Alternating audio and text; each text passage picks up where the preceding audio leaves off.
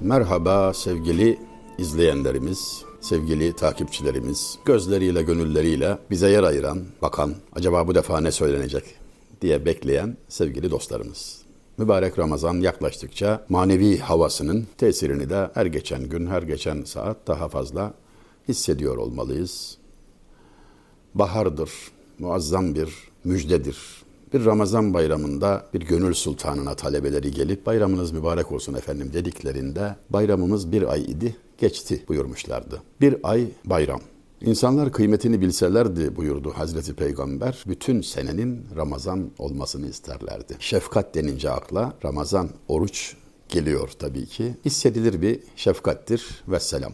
Şairlerin sultanı, büyük üstadımız Baki merhumun dediği gibi, avazayı bu cihana Davut gibi salan bir iki isimden söz açacağım bugün. Baba oğul, biri Keçecizade İzzet Molla, diğeri oğlu Keçecizade Fuat Paşa. Özellikle İzzet Molla şiirimizde erişilmez bir yere sahiptir. Çok büyük ustadır. Divanı hem hacimli hem lezzetli. Bu işe meraklı olanlar için cidden benzeri zor gösterilir bir eserdir. Profesör Doktor Ömür Ceylan hocamın hazırladığı harika bir çalışma. Yani latinize etmiş, derli toplu divan ortaya koymuştur. Hazana Sürgün Bahar ismiyle neşretmiştir. Meraklısına tavsiye olunur bu hacimli divan. Yeri gelmişken hocanın kendisi de iyi bir şairdir. Aruzla nefis eserler vermektedir. Oldukça genç olmasına rağmen hayli başarılı, çok güzel bir şairdir. Ondan da söz açacağım önümüzdeki günlerde.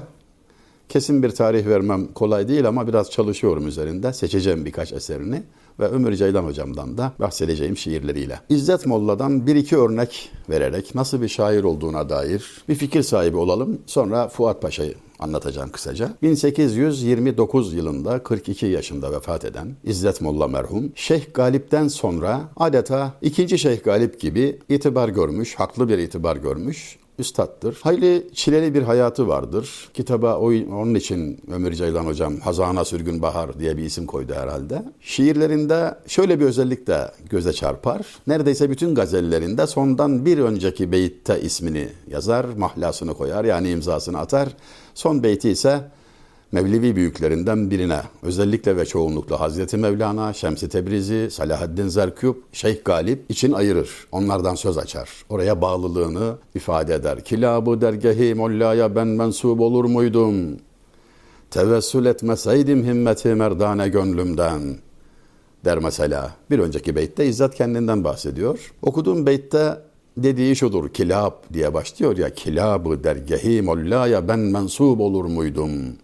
Tevessül etmeseydim himmeti merdane gönlümden. Hazreti Mevlana dergahının köpeklerine, kilab kelbin çoğulu köpekler demek. Hazreti Mevlana dergahının köpeklerine intisab ile şereflenebilir miydim mertçe tevessül etmiş olmasaydım? Samimi bir biçimde her şeyi feda ederek o kapıya gelmiş olmasaydım böyle bir devlete kavuşabilir miydim? İfadedeki incelik, zarafet ve tevazuya dikkat edilmeli ben oraya mensubum, oranın müridiyim demeye bile cesaret edemiyor da oraya bağlı bir köpeğim bile demiyor. O köpeğe intisabım var. Oranın oraya bağlı köpeğe intisabım var diyerek hakikaten tevazu had safhasında gösteriyor. Öyledir tabii. Aşırı tevazu orijinal ismiyle temelluk veya tezellül ancak tabip ve muallime karşı lazım ve caiz. Keza İzzet Molla merhum demin son beytini okuduğum gazelin ilk beytinde Acep bu ateşi firkatle kimler yane gönlümden demem kim yakmaz zira korkarım divane gönlümden.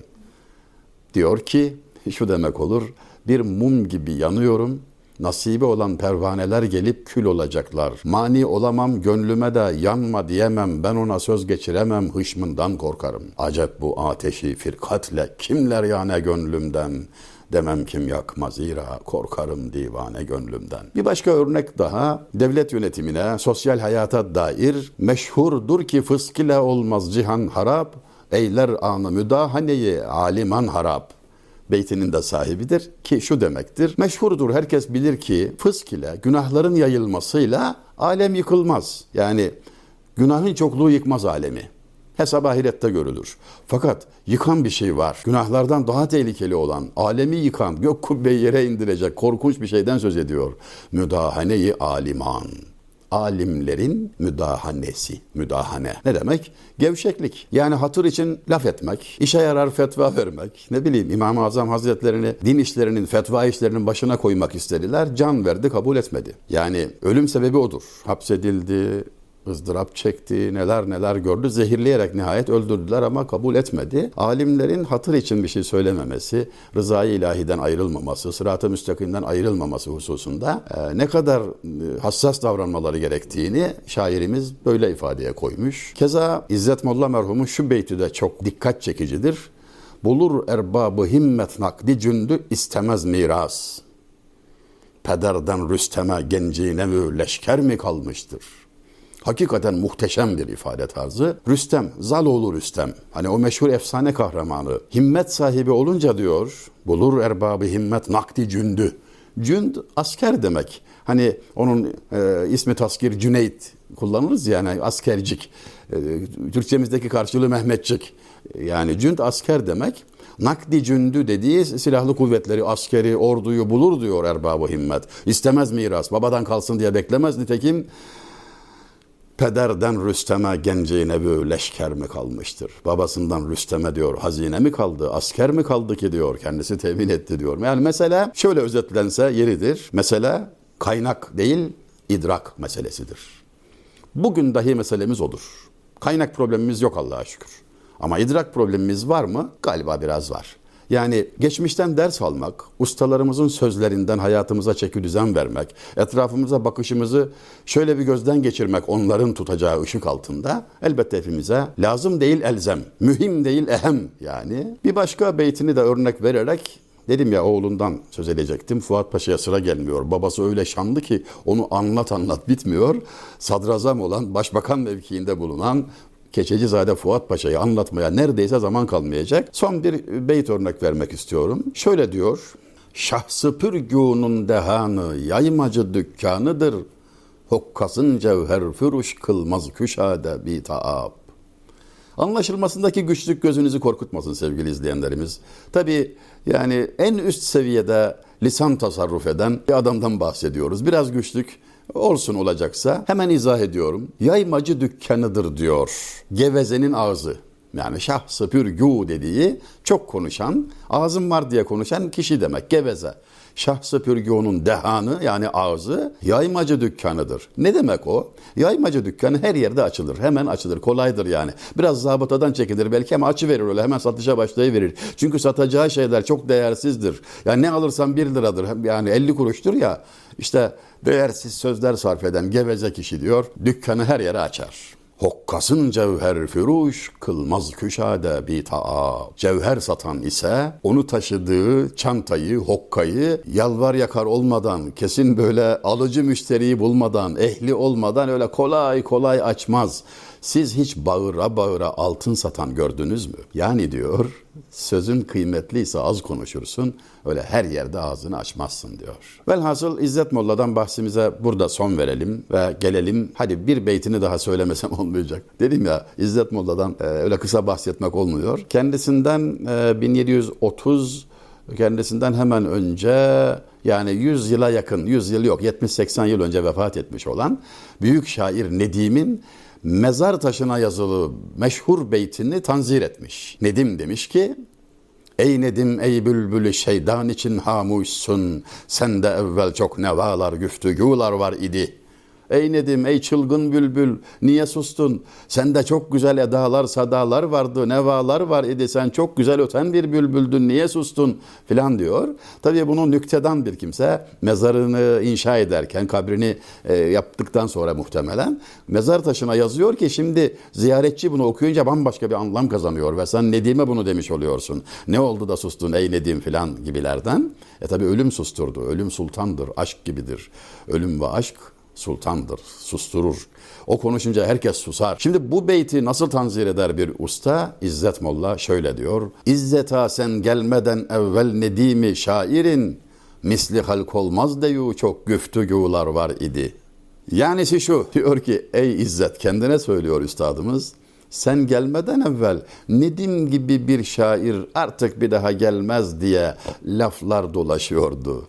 Allah'tan geldin de iş düzeldi. Bakın şair ne kadar zarif övünüyor. Evet artık uzatmayalım. Oğlu Fuat Paşa. Mizah tarihimizin yani böyle bir tarihten söz edilebilirse nükse tarihimizin en parlak seymalarından biridir Fuat Paşa merhum. Çok zeki, fevkalade, e, hızlı e, cevap veren ve nükteli, her adımında adeta cebinden cevaplar çıkaran fıkra makinesi gibi bir adam.